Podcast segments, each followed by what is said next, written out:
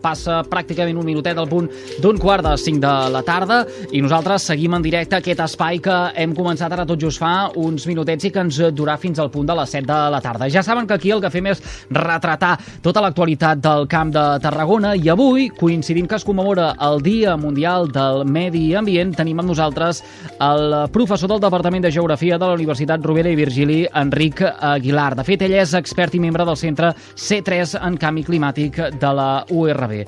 Professor Aguilar, molt bona tarda i gràcies per acceptar la trucada del programa. Bona tarda, gràcies a vosaltres per convidar-me. Avui començàvem nosaltres, ara tot just fa una estoneta, explicant que el Monitor Públic d'Emissions de Catalunya estima un augment superior al 3% en les emissions de gasos d'efecte hivernacle el 2022. De fet, després d'una reducció d'aquestes emissions al 2020, això va ser eh, pel confinament que hi va haver derivat de la pandèmia de la Covid, les emissions van tornar a créixer en un 2% el 2021 i en més d'un 3% l'any passat. Aquesta és una eina, dèiem ara tot just fa una estona, creada per alguns experts i que permet fer una estimació, ja que les darreres xifres oficials publicades són del 2020 i, per tant, no hi ha dades ni del 2021, ni del 2022, ni tampoc dels primers mesos del eh, 2023. Així doncs, són unes dades eh, públiques de consums energètics, activitat industrial o indicadors econòmics, entre d'altres. Professor, primer de tot, li hem de preguntar, quina lectura fa vostè d'aquestes xifres? Eh, a veure, la lectura és molt simple, que fins i tot amb el marge d'error que li podem associar, el que està clar és que no hi està havent una reducció significativa d'emissions i, per tant, eh, això desafortunadament no és una qüestió única per Espanya, per Catalunya, sinó que és, una, és, un, és bastant generalitat, és a dir, ens estem allunyant de la més remota possibilitat de complir amb els acords de París. Ens hem de preocupar com a ciutadans davant d'aquestes dades que eh, vostès ja eh, deixen entredit que no permetran complir aquestes pautes? Sí, és, a veure, és una qüestió de preocupació, evidentment. Eh, les alteracions del clima canvien, eh, entre cometes, el contracte que nosaltres tenim amb el nostre sistema climàtic i, i bé, doncs hem d'esperar canvis significatius que, de fet, ja estem veient en els darrers anys i que són, són força evidents i que ens fan repensar la nostra relació amb el medi. Hmm. A qui correspon vetllar per uh, un seguiment uh, adient, per exemple, dels uh, gasos, de les emissions d'efecte uh, hivernacle? Ara que ens centrem en, en, en això, eh? Uh, és la responsabilitat que tenim com a ciutadans i, per tant, uh, hem de fer passes a nivell individual a l'hora d'assumir uh, uh, aquests registres? O bé hem d'esperar que els nostres governants facin alguna cosa? A veure, jo, jo sempre et posaré el mateix exemple. Evidentment, la responsabilitat és de tots, però qui té més responsabilitat és qui està en un càrrec de gestió o de govern. I te posaré un exemple molt fàcil. Si tu vius a Altafulla i treballes a Vila Seca, probablement ja t'agradaria poder anar amb un tramvia que et deixés a Vila Seca amb un temps raonable. Però és que això, aquesta alternativa en aquests moments no existeix i per molta voluntat que tinguis com a ciutadà és difícil. Si els polítics d'una vegada per totes no posen fil a l'agulla i s'hi posen seriosament, és difícil que eh, puguem assolir aquests, aquestes, aquestes reduccions significatives. Evidentment, això no vol dir que la nostra responsabilitat individual, eh, tractar de fer les coses d'una forma que siguin més sostenibles, això evidentment també és necessari, eh? però, però és la gent que està al capdavant la gent que, que s'encarrega que governi els que tenen que, els que tenen que estirar del carro. Mm. Uh, professor, uh, donades aquestes dades, eh, uh, ens centrem ara doncs, en uh, aquestes emissions d'efecte hivernacle a Catalunya dels últims anys, que serien uh, estimacions, eh? uh, però si eixamplem una miqueta més la, la mirada, al final la, uh, estem davant uh, d'un fenomen global, uh, el canvi climàtic. Uh, hi ha qui uh, se'l creu i hi ha qui, en canvi, uh, en diu tot el contrari. En tot cas, des del punt de vista d'un expert com vostè, hi ha marxa enrere? Es pot revertir aquesta situació? Uh, es poden millorar aquests indicadors? A veure, en primer lloc, la primera part, no? Hi ha gent que no se'l creu. Sí, també hi ha gent que es creu que la Terra és plana. I també hi ha gent que no creu en les vacunes. Vull dir, gent rarita hay, hay en totes partes. El canvi climàtic és una evidència innegable i el 99,9% de la comunitat científica ho té claríssim. Llavors, marge, marge, de, marge de millora.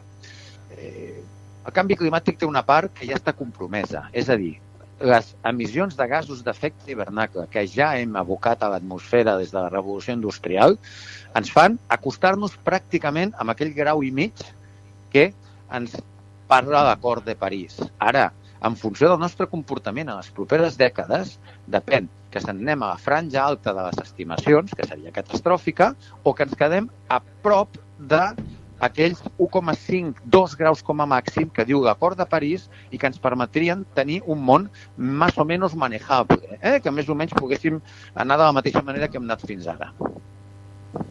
Mm. Um, um, per, tant, uh, en, encara hi som a temps. Uh, vull dir que, que no, ens, no ens hauríem de, de, de desanimar. Aquest discurs catastrofista que de vegades venem des dels mitjans de comunicació es pot uh, redireccionar. No, sempre som a temps. Vull dir, el canvi climàtic no és un armagedon nuclear. És a dir, no és que cau la bomba i a partir d'aquí s'ha acabat tot. No, no, és una cosa... I, I potser, desafortunadament, per això hi ha hagut tanta inacció. Perquè és una cosa que ens va afectant progressivament. Sí que és veritat que es produeixen determinats esdeveniments que, que ens posen en alerta, no? Però és una cosa que és progressiva, no és una bomba nuclear que cau i diu, mira, mm, escolta, mm, Tarragona ja no existeix, que ha caigut una bomba nuclear. Eh, Bangladesh, fixa't, ja no existeix. No, no, poquet a poquet, poquet a poquet. Eh? Llavors, que hi som a temps, i tant que hi som a temps. I som a temps de mitigar els seus efectes. És a dir, reduir-los, fer que els impactes siguin menors. Impactes ne tindrem, afectacions ne tindrem, però està clar que depèn del nostre comportament que aquests siguin petits, grans o mitjans. Per tant, eh, eh, ens està dient, eh, professor, que eh, tot és reversible, fins i tot aquest eh, increment, per exemple, eh, del nivell del mar o aquestes espècies que puguin estar desapareixent a causa eh, de la eh, forta pujada de les temperatures que s'està registrant.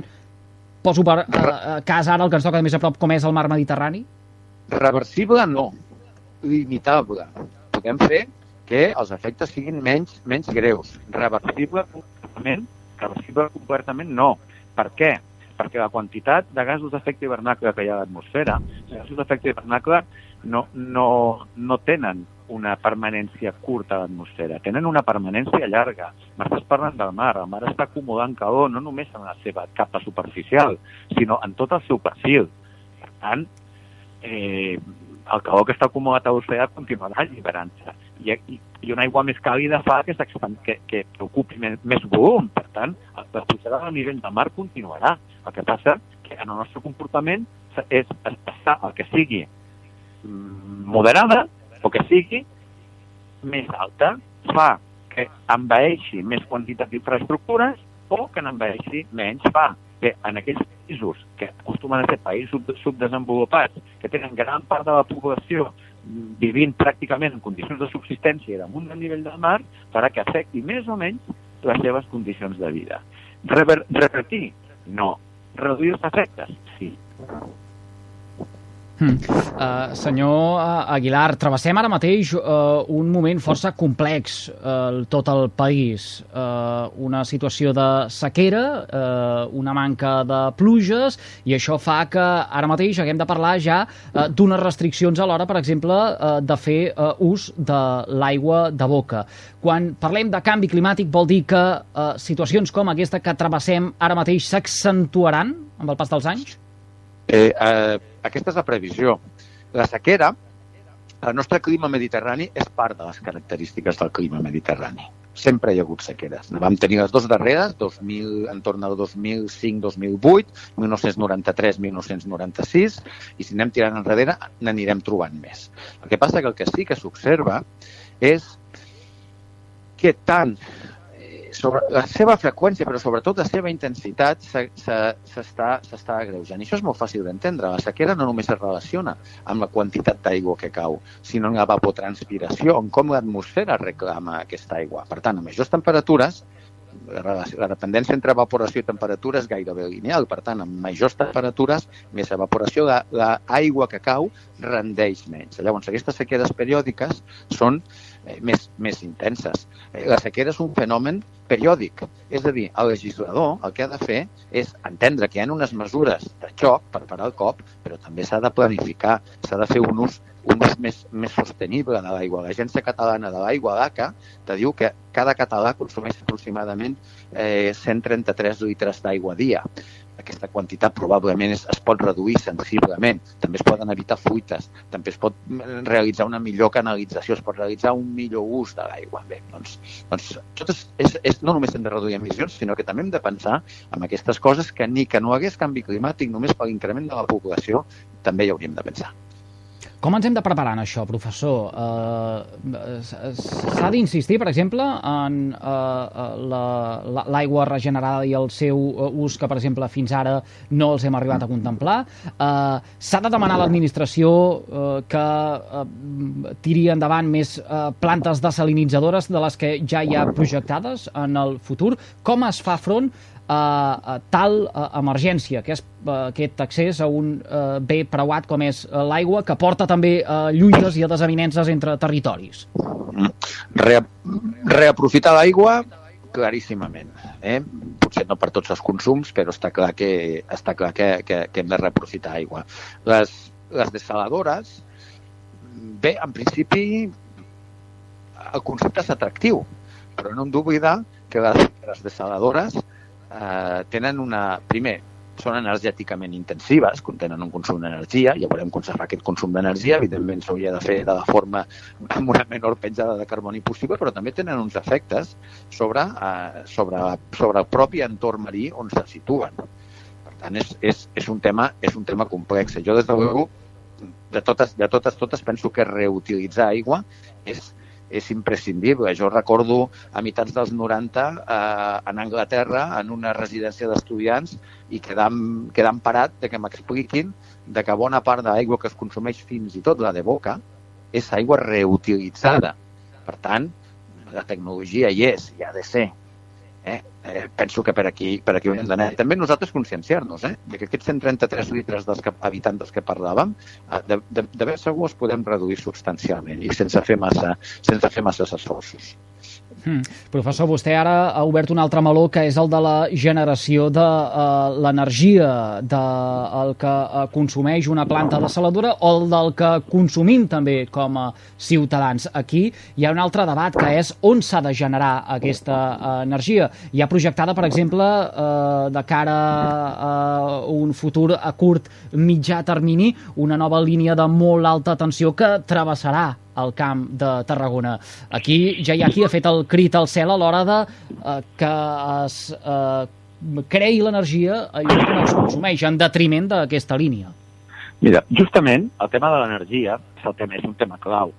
Estan passant moltes coses en torno a l'energia. Fa molt de temps que s'està parlant de l'electrificació de vehicles. També s'està tirant per una altra, per una altra banda, on la URB, on la, Eh, té, té, un, té un molt important paper, que és tot el tema de, de, de la vall de l'hidrogen, de l'hidrogen verd. Eh, s'està parlant d'energia solar, s'està parlant d'energia eòlica. Està clar, s'està parlant fins i tot de combustibles sintètics, eh? Amb, amb una petjada de carboni pràcticament pràcticament zero. Evidentment, hem de canviar en les properes, en la propera dècada, diria jo, hem de canviar quina energia consumim. I faig una reflexió. Guany vam presentar un treball a, a l'Assemblea General de, de la Unió Europea de Geociències, en el qual estàvem fent una anàlisi del potencial eòlic de Catalunya per tal de produir energia. Clar, resulta que si mires els parcs, els parcs eòlics a Catalunya estan, estan tots gairebé concentrats a la nostra província, a la província de Tarragona, que és cert que és eh, una de les dues regions de Catalunya major potencial climatològic per produir, per produir energia eòlica.